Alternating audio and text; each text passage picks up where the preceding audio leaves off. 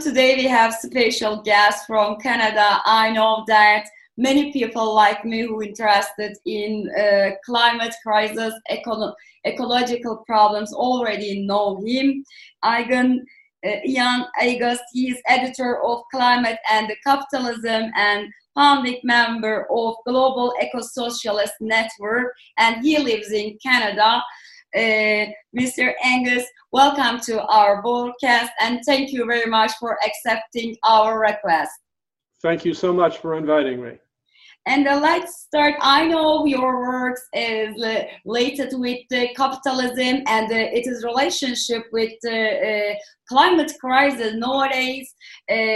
many people mentioned the ecological crisis, the climate crisis, or climate chaos. So I wonder that could you let us know what is the relationship between capitalism and the climate crisis?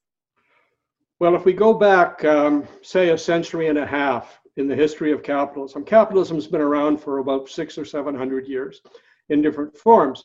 But starting uh, really in the middle of the 1800s, um, capitalism grew by using fossil fuels. That is, by using past energy, energy from hundreds of millions of years ago, in order to power its factories, power its boats, power its airplanes, and so on.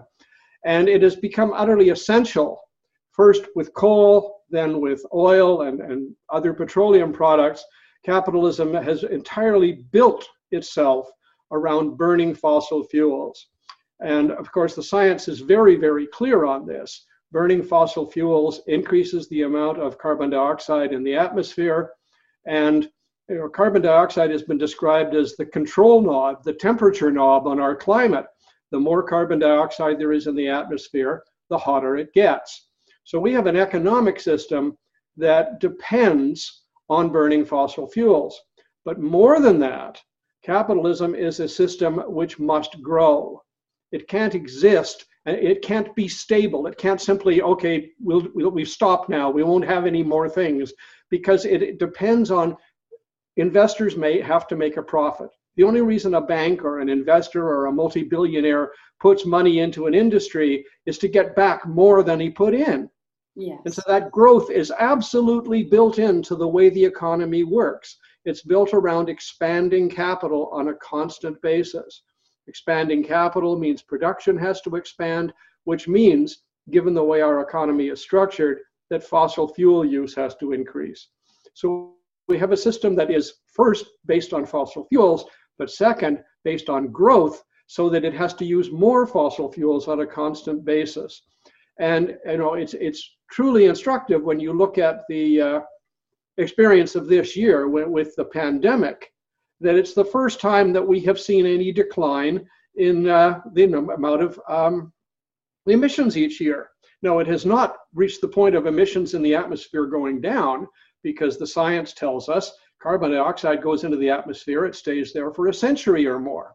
So it continues to grow, but it's growing more slowly only because we suddenly have this horrible virus that is uh, causing so much death and causing such, such economic slowdowns.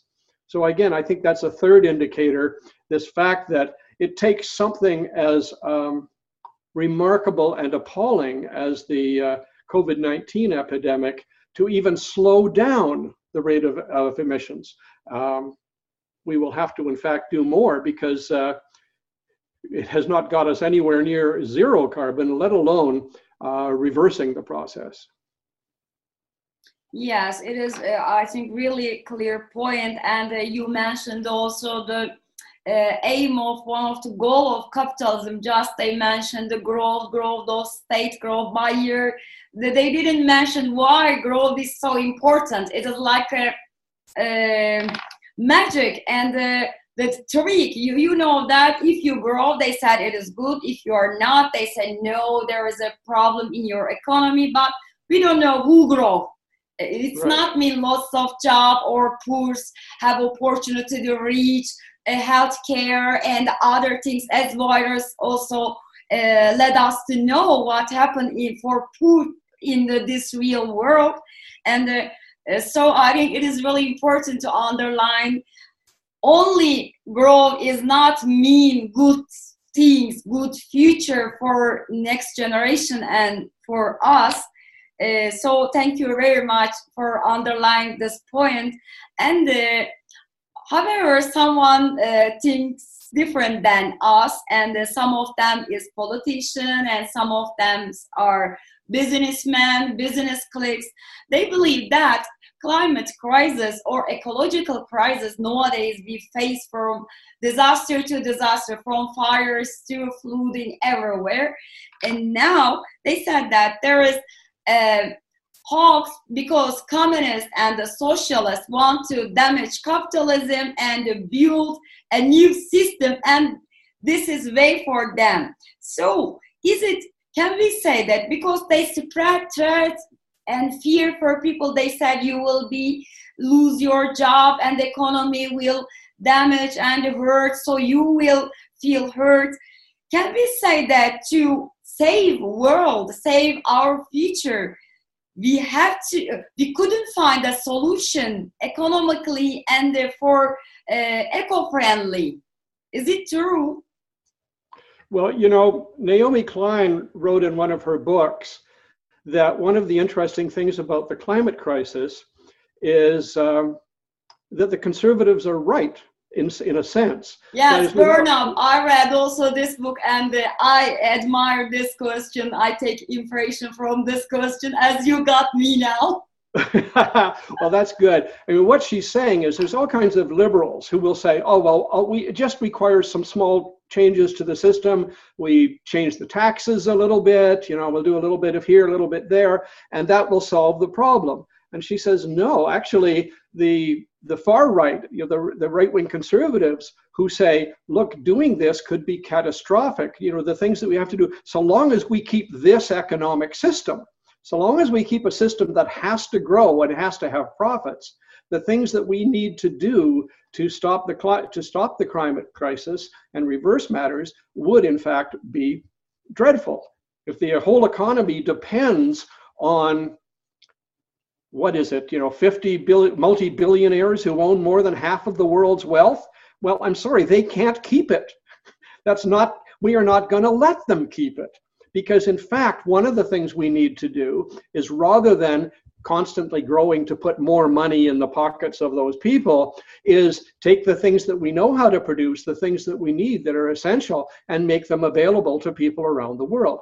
I mean, just a simple example we already produce more than enough food to feed everybody in the world.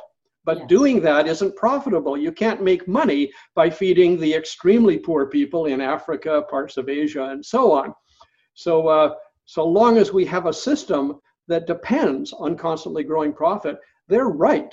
This is a dangerous system. Now, I, I actually really wish the whole left would take this on in a really serious way. Yeah. In the last few years, we started to see it, but it's only recently, I think, that many people on the left have started to recognize that this is a fundamental part of the campaign for socialism.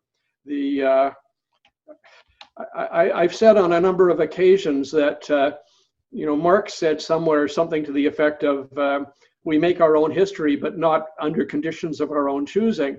Well, Marx never imagined uh, climate change, but that sentence applies to it because the socialism we're going to have to build is going to inherit a world that's in deep trouble.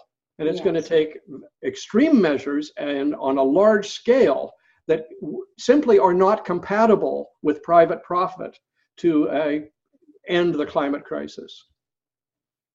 I think so, and uh, it is really a good point. Again, you underlined that maybe it is time for uh, all the world, all people around the world to think what is meaning of capitalism and what it gives us. Why we couldn't say no, you couldn't damage this system, especially the poor one or the other group didn't say this. Just someone who take lots of profit claim this, and they uh, have power to uh, manipulate people. However, I think that with your contribution and with objective criteria and be fair, we will understand uh, some damage just direct result of capitalism and the climate crisis is one of this results if you ask me I think you're absolutely right.